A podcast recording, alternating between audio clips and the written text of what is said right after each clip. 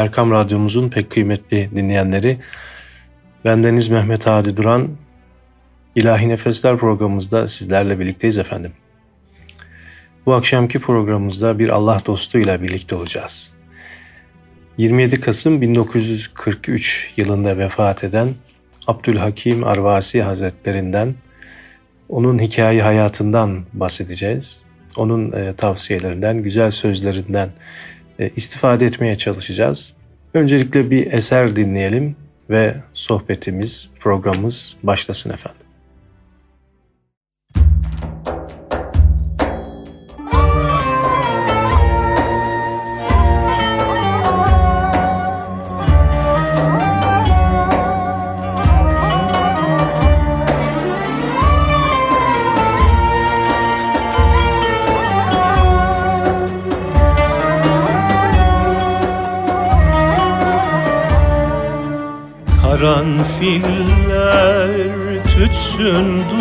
Dursun Çiçeklerin başı güldür Karanfiller tütsün dursun Çiçeklerin başı güldür Bülbülleri ötsün dursun Gözlerimin yaşı güldür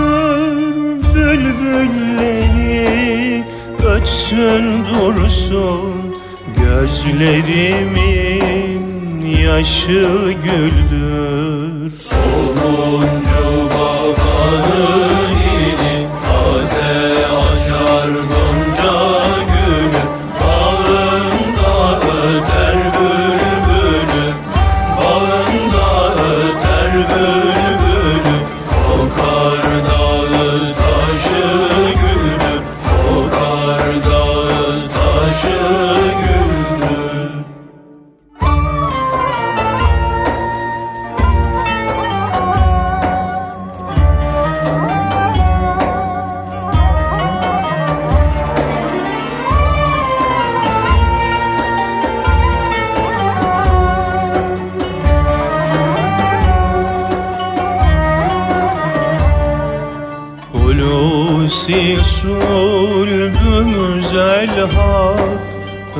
Resulün aline mülhak Hulusi sulbümüz el hak. Resulün aline mülhak Altın silsilenin mutlak. Hep kavmi kardeşi güldür Altın silsilenin mutlak Hep kavmi kardeşi güldür. Sonuncu baharı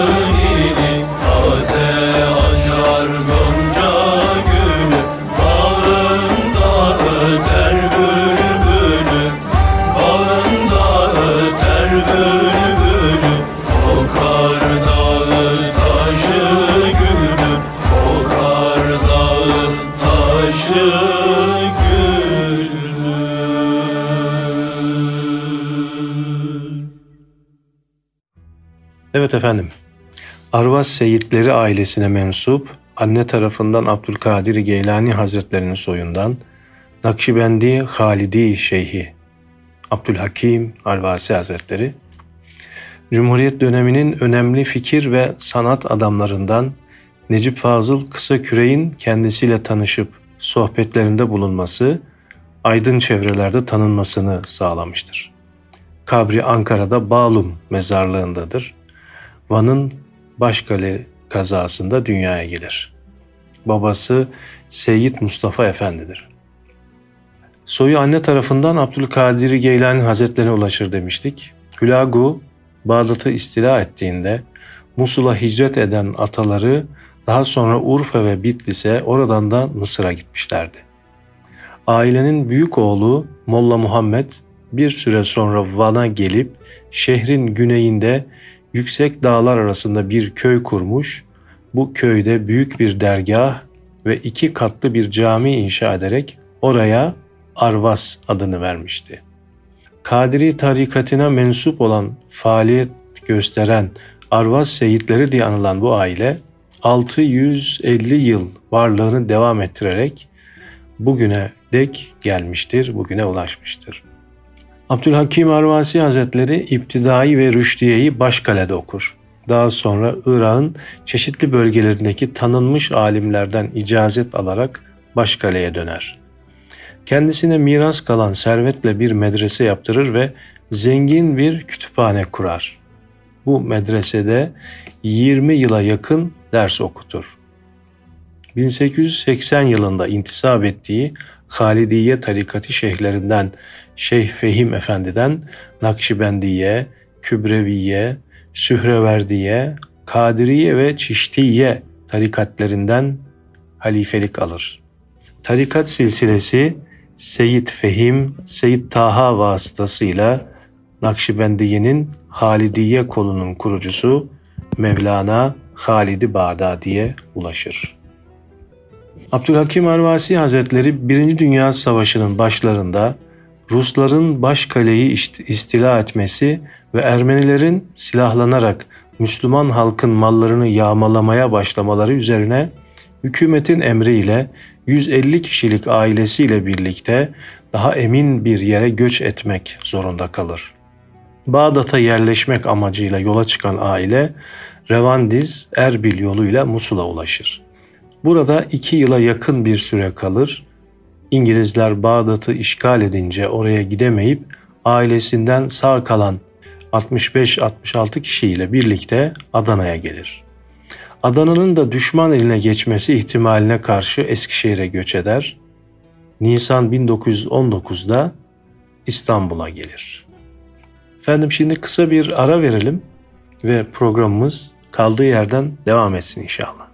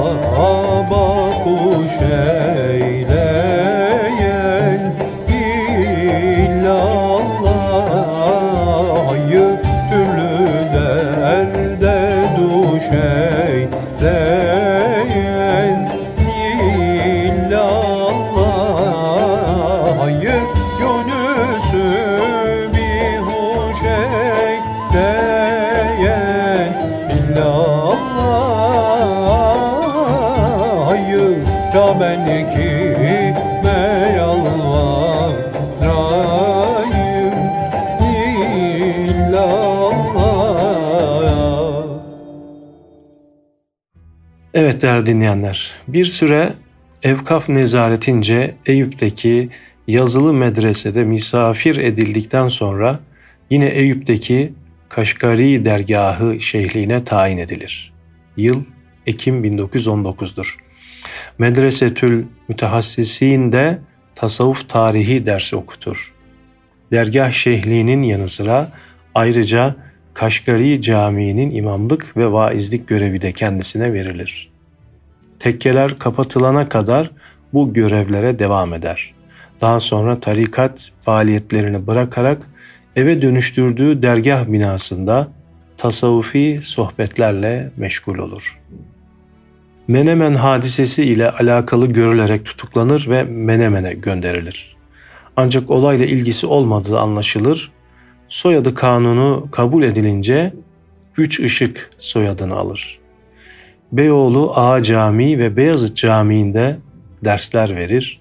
Cumhuriyet döneminin önemli fikir ve sanat adamlarından Necip Fazıl Kısaküre'in kendisiyle tanışıp sohbetlerinde bulunması, aydın çevrelerde tanınmasını sağlar. 1943'te sıkı yönetimin emriyle İzmir'e gönderilir. Bir süre sonra Ankara'ya gitmesine izin verilir ve 27 Kasım 1943 yılında vefat eder. Programın başında da söylemiştik. Kabri Ankara'da Balun mezarlığındadır. Mevla rahmet eylesin diyelim. Evet, 1934 yılında Seyyid Abdülhakim Arvasi Hazretleri ile tanışır Necip Fazıl Kısakürek. Kendisini efendisinin sohbetleriyle baştan aşağı yeniler. Necip Fazıl Büyük Veli ile tanışmasını tam 30 yıl saatim işlemiş, ben durmuşum, gökyüzünden habersiz uçurtma uçurmuşum beytiyle anlatır. 1934 yılında oturduğu Beylerbeyi'ne giden vapurda Abdülhakim Arvasi'nin müritlerinden biriyle karşılaşır.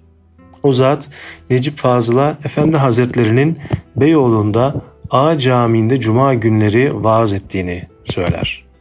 Şu öğüdü vermekten de geri kalmaz. Dinleyecekleriniz halk için, nas için söylenen sözler.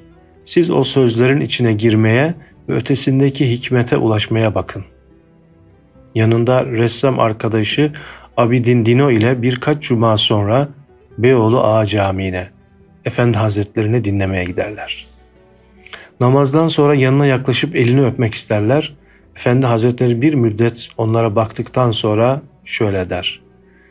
Biz Eyüp Sultan'da oturuyoruz. Ne zaman isterseniz buyurun. Artık Necip Fazıl Efendi Hazretlerine gidiş gelişlerini sıklaştırır. Efendi Hazretleri Necip Fazıl'a sorar. Siz tasavvuftan bir şeyler biliyor musunuz? Okuduğunuz kitap falan oldu mu? Bahriye Mektebi'nde okuduklarını söyler. Efendi Hazretlerinin cevabı bu iş kitapla olmaz. Akılla da varılmaz. Hiç yemeğin lezzeti çatal bıçakla aranıp bulunur mu? Necip Fazıl'ın dünyası alt üst olmuştur. Bu hali Çile adlı şiirinde şöyle dile getirir. Ve uçtu tepemden birden bir dam, gök devrildi künde üstüne künde. Sanki burnum değdi burnuna yokun, kustum öz ağzımdan kafatasını. Necip Fazıl Kısakürek, Mürşidi Seyyid Abdülhakim Arvasi'yi Tanrı kulundan dinlediklerim, o ve ben son devrin din mazlumları ve başbu velilerden adlı eserlerinde anlatır.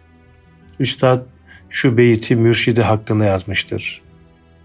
Allah dostunu gördüm. Bundan altı yıl evvel bir akşamdı ki zaman donacak kadar güzel. Necip Fazıl'ın mürşidim ve kurtarıcım dediği Seyyid Abdülhakim Arvasi, malum biraz önce de söylemiştik, 27 Kasım 1943'te aramızdan ayrılır. Efendim bir eser daha dinliyoruz ve programımız devam ediyor. çağrışır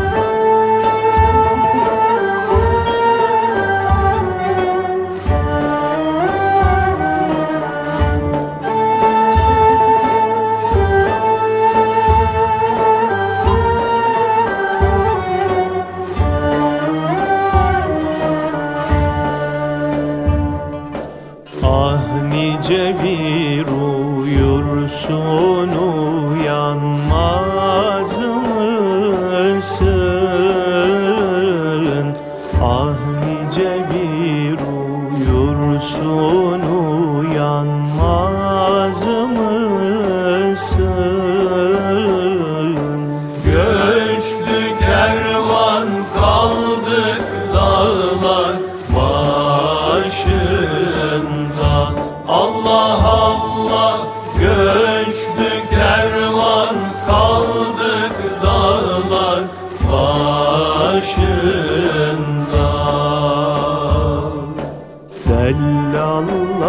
mısın?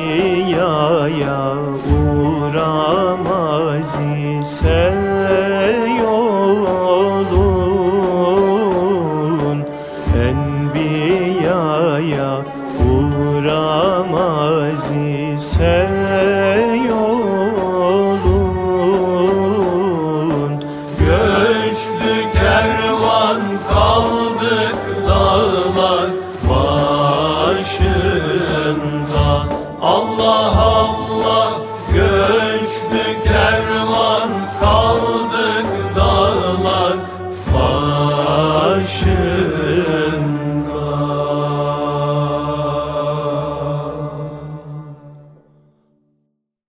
Necip Fazıl Kısakürek, mürşidinin ölümüyle ilgili hatırasını şöyle anlatır. 1943'te ilk büyük doğuları hazırlamanın buhranı içinde kendilerini uzun müddet görememiştim. Nihayet ilk sayı çıkınca onu elime aldım, bir arabaya atladığım gibi doğru Eyüp'e. Eyüp Camii'nin kenarında sağa çıkar çıkmaz birkaç adam ileride Gümüş Suyu tepesine tırmanan mezarlık yolu. Efendi Hazretleri bu dik yoldan bağlılarının kollarında yavaş yavaş çıkarlar ve bu hallerini ihtiyarlık diye tarif ederlerdi. Yoldan koşarak çıktım ve dergahın her zaman yarı açık kapısından içeri daldım. Ne o? Dergahta kimsecikler yok. Şadırvan boş. Camakanlı kısım zaten her zaman olduğu gibi bomboş. Mescit boş ve harem tarafı kimse yok mu? Harem tarafından ve uzaklardan bir kadın sesi cevap verdi. Kimi istiyorsunuz? Efendi Hazretlerini. Götürdüler. Kim götürdü? Nereye götürdü? Polisler alıp götürdü. Yıldırım hızıyla Eyüp'e indim ve oradaki alakalılardan öğrendim ki Efendi Hazretlerini o sabah örfi idare emriyle polis birinci şube memurları alıp müdüriyete götürmüşler. Belki de Anadolu'nun herhangi bir köşesine sürgün edecekler. Soluğu hemen polis müdüriyetinde aldım. Hüviyetimi belirttim ve Efendi Hazretlerini görmek istediğimi söyledim. Akşam vakti olmasına rağmen birinci şubeden dileğimi kabul ettiler. Fakat Efendi Hazretleri yerine onunla beraber sürülen Nedim'i Şakir Üç Işık'la görüşmeme müsaade ettiler. Çocukluğundan beri Efendi Hazretlerinin yanından bir lahza ayrılmamış ve hususi hizmetlerine bakmış olan Şakir, o benim canım kadar sevdiğim insan mahzun bir yüzle geldi. Öpüştük fakat böyle anıların manevi baskısı yüzünden midir nedir hiçbir şey konuşamadık. Örf idare emriyle İstanbul'dan çıkarılıyorlar. Efendi Hazretleri İzmir'e, Şakir de Mersin'e sürülüyor. Bütün bildiğimiz bu kadar. Şakir'e bir şeye ihtiyacınız var mı diye sordum. O da gayet tabii olarak yok diye cevap verdi. Halbuki her şeyi bir tarafa bırakmalı, geceyi müdüriyette veya müdüriyetin kapısı önünde geçirmeli, Efendi Hazretlerine vapura kadar refakat etmeli, oradan zıplayıp Ankara'ya gitmeli. Efendinin İstanbul'a döndürülmesi için çırpınmalı, olmazsa İzmir'e gitmeli, yanından ayrılmamalı, son nefesine kadar beraberinde kalmalıydım. Bütün bunları vaktiyle yapamamış olmaktan dövündüğüm şeyler. Zaten ondan ayrı olduğum her dakika için dövünsem yeri değil mi? Şakir'e Mersin yolunu tuttursunlar, Efendi Hazretlerini bir gece nezaret altında bulundurduktan sonra ertesi sabah vapura bindiriyorlar ve Marmara açıklarına doğru o çok sevdiği İstanbul'dan ayırıyorlar. İstanbul hakkında derlerdi ki, iyiliğin de kötülüğün de en ileri şekli İstanbul'dadır.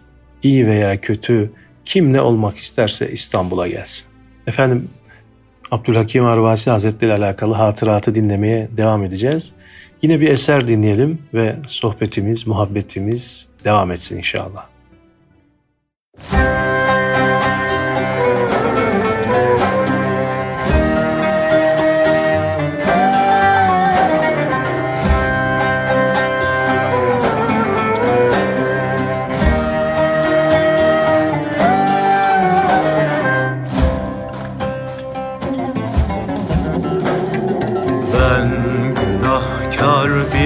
alemim İsmet nedir ya Nebi?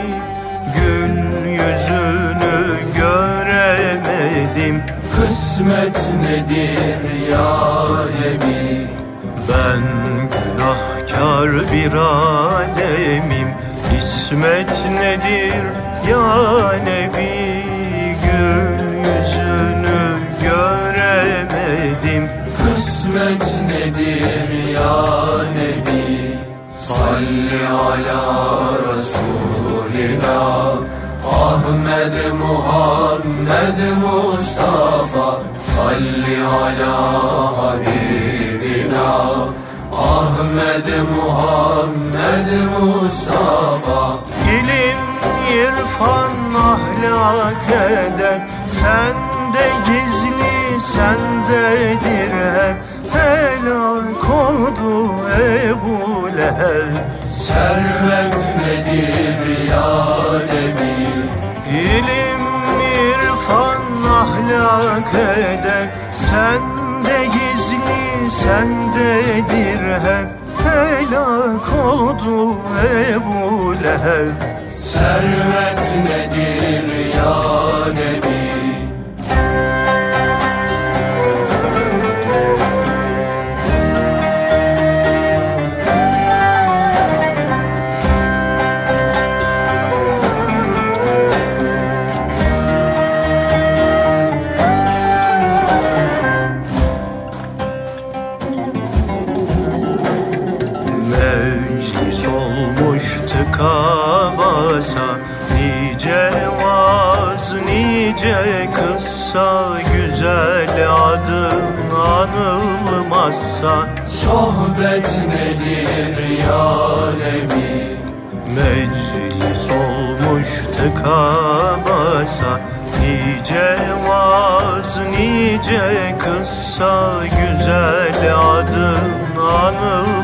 anılmazsa Sohbet nedir ya Nebi? Salli ala Resulina Ahmed Muhammed Mustafa. Salli ala Habibina. Ahmed Muhammed Mustafa. Aşk kervanı gelsin hele Yol Madem mermen ehabbe Gurbet nedir ya Nebi Aşk kervanı gelsin hele Yol görünür elbet kalbe. Madem mermen ehabbe Gurbet nedir ya Nebi Salli ala Resulina Ahmed Muhammed Mustafa Salli ala Habibina Ahmed Muhammed Mustafa Abdülhakim Arvazi Hazretlerinin Ahmet Mekki, Ahmet Enver ve Ahmet Münir adında üç oğlu ile Şefia, Mahide ve Zahide adında da üç kızı vardı. Büyük oğlu Ahmet Mekki Efendi ki e, bizim Peder Bey'in de hocalığını yapmış, Üsküdar ve Kadıköy müftülüğünde bulunmuştur. Abdülhakim Efendi'nin babası erken vefat ettiği için kardeşleri ve aile fertlerine sahip çıkarak hepsini okutmuştur. Nitekim Kasım, Yusuf, İbrahim, Taha, Abdülkadir, Şemseddin ve Ziyaettin adındaki kardeşleri kendisinden okuyup mezun olmuşlardır. İbrahim, Nakibül Eşraf makamlığı, Ziyaettin Başkale müftülüğü, Yusuf hakimlik, Abdülkadir tabur imamlığı yapmış, Taha Efendi ise 1908 meclisinde mebus seçildikten sonra yine devirde Diyanet İşleri Heyeti Müşavere reisliği yapmış ve o da 1928'de vefat etmiştir. Abdülhakim Efendi, din aleyhtarı neşriyat ve propagandanın çok güçlü olduğu bir zamanda dersleri, vaazları ve yazıları ile ehli sünnet itikadının muhafazasına ve entelektüel bir Müslüman gençlik yetişmesine çok hizmet etmiş. Bu uğurda çetin eziyet ve sıkıntılara katlanmıştır. Siyasete hiç karışmamış, siyasi fırkalara da bağlanmamıştır. Devrindeki bazı tarikatların hedeflerinden uzaklaşmalarına ve tekkelerin yozlaşmasına da dikkat çekmiş, şeriate uygun olmayan tarikati kabul etmemiştir. Hatta halife olacak kimsenin tas- sadece tasavvufi terbiye almasını yeterli görmemiş, mutlaka fıkıh bilmesini bir zorunluluk kabul etmiştir. Talebeleri kendisine tekkelerin kapatılmasını sorduklarında hükümet boş mekanları kapattı. Onlar kendi kendilerini çoktan kapatmışlardı demiştir. Talebelerinden Hafız Hüseyin Efendi anlatır. İstanbul'da tabakhane şeyhi idim. Arabi ve Farisi'yi iyi bilirdim. Her toplumda söz sahibiydim. Abdülhakim Arvasi Hazretlerini işitip ziyaretine gittim. Maksadım orada da söz sahibi olmaktı. Kendisine çok yakın bir sandalyeye oturdum. Sohbete başladı. Hemen sonra sandalyede oturmaktan haya edip yere indim. Sohbette hiç bilmediğim, duymadığım şeyleri anlatıyordu. Yakınımda yere oturmaktan da haya edip biraz geri çekildim. Biraz daha derken nihayet kendimi kapının yanında buldum. Ben yıllarca şehlik postunda oturmuş, talebeleri olan biriydim. Seyit Abdülhakim Efendi'yi görünce ancak ona talebe olacağımı anladım ve etrafımdakilere Seyit Abdülhakim Efendi'yi görünce, tanıyınca şehli ne olduğunu anladım. Eteğine yapışmaktan başka işim kalmadı dedim. O büyük zata talebe olmakla şereflendim. Talebelerinden Niyazi Efendi anlatır. Bir gün yaşlı bir kadın marangoz dükkanına gelip bir odalı evim var. İkinci bir oda yaptırıyorum. Kirayı verip onunla geçineceğim. Bedelini kira parasından vermek üzere bana bir kapı ve pencere yapar mısın dedi. Yarın gel konuşuruz dedim. Maksadım Şeyh Abdülhakim Efendi'ye gidip danışmaktı. Kindi vakti dergahlarına gittim. Halimi sordular. Müşteri geliyor mu dediler. Geliyor dedim. Fakat sormak için gittiğim kadını unutmuştum. Sipariş veren oluyor mu dediler. Bugün yok dedim. Kadın müşterileriniz oluyor mu buyurdular. Gene hatırlamadım. Bunun üzerine bugün gelen kadının işini gör buyurdular. Ancak o zaman hatırlayabildim der. Efendim yine bir eser dinliyoruz ve programımız, sohbetimiz devam ediyor inşallah. Allah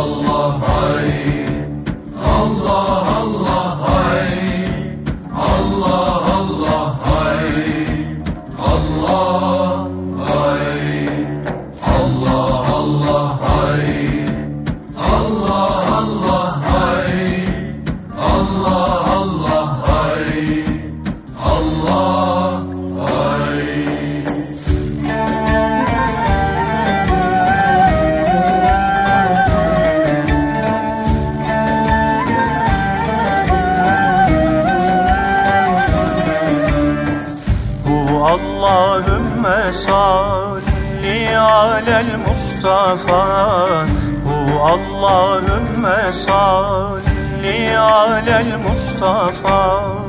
Hu nebiyyür risale ve bahri Mustafa Bu nebiyyün risale ve bahru safa. Bu çerrağı mescidü mihrabü minber. Bu çerrağı mescidü mihrabü minber bu Ebu Bekir Ömer Ya Osman ya Haydar. Bu Ebu Bekir Ömer Ya Osman ya Haydar. Bu Allahümme salli alel Mustafa. Bu Nebiyyül Risale ve Bahrus Safa Bu Celal Mescidü mihrabı minber Bu Ebu Bekir Ömer Ya Osman ya Haydar. Bu Ebu Bekir Ömer Ya Osman ya Haydar. Allahümme salli ala seyyidina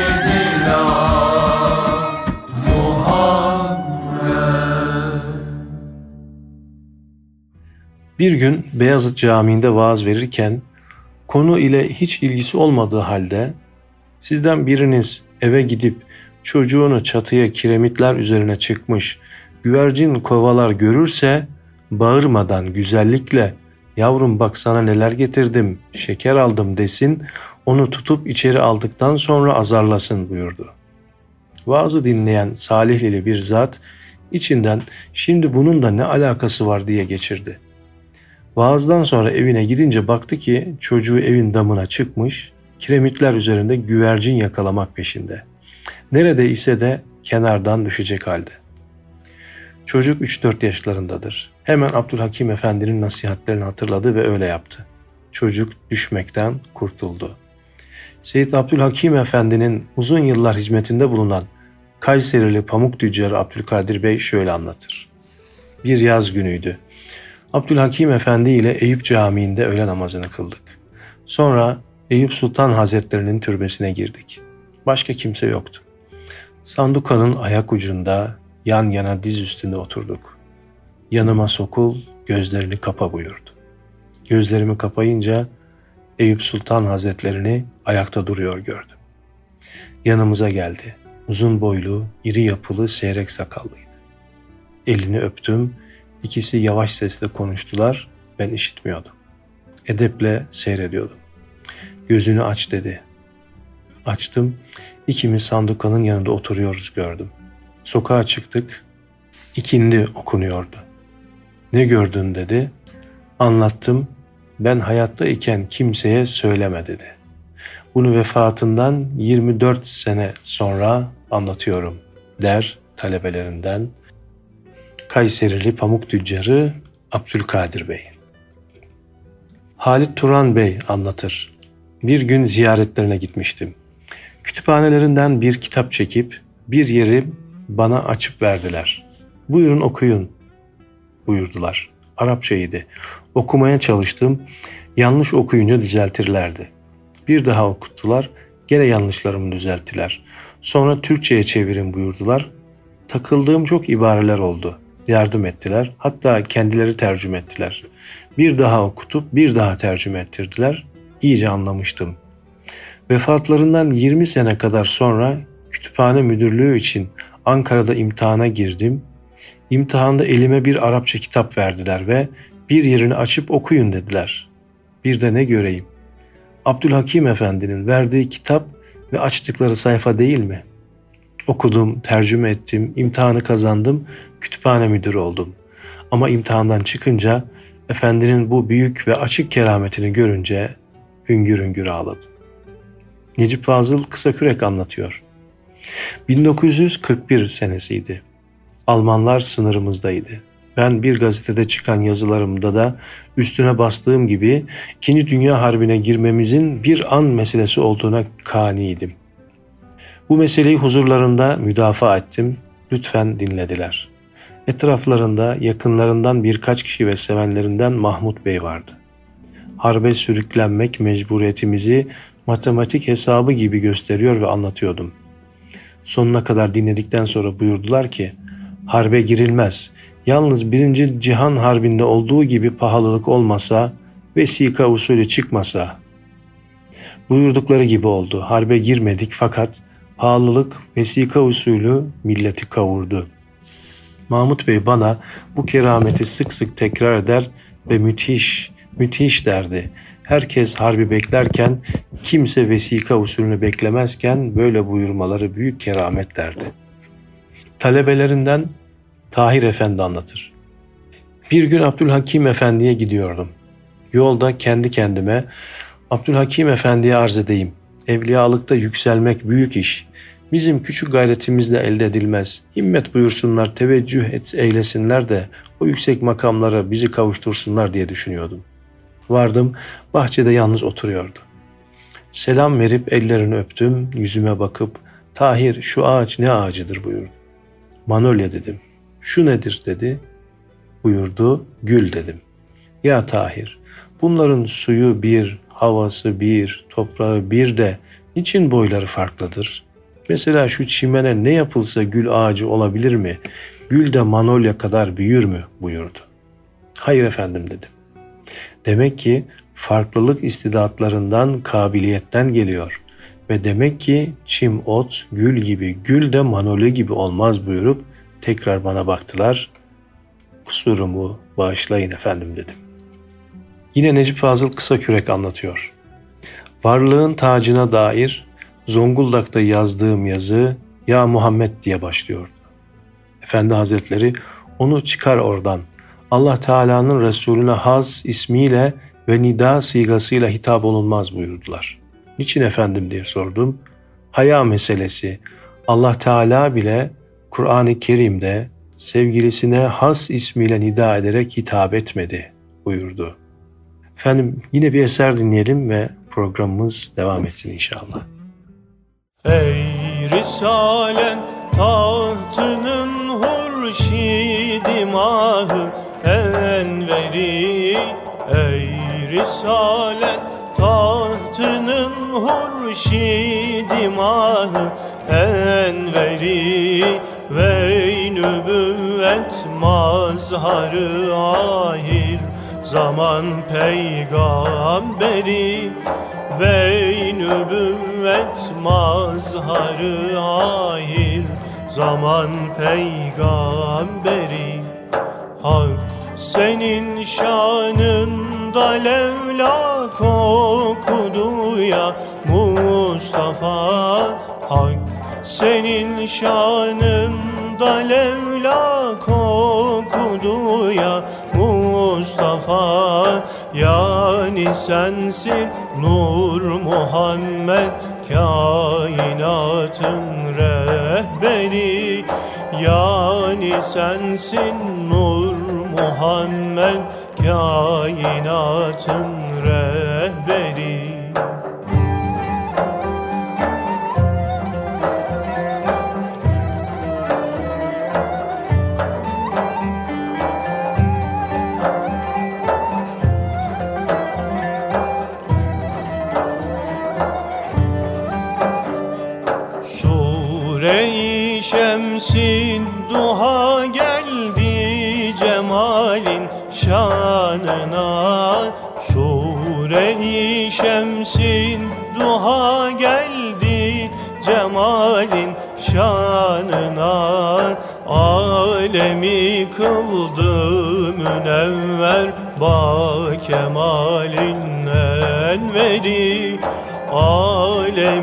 kıldı münevver ba kemalin enveri.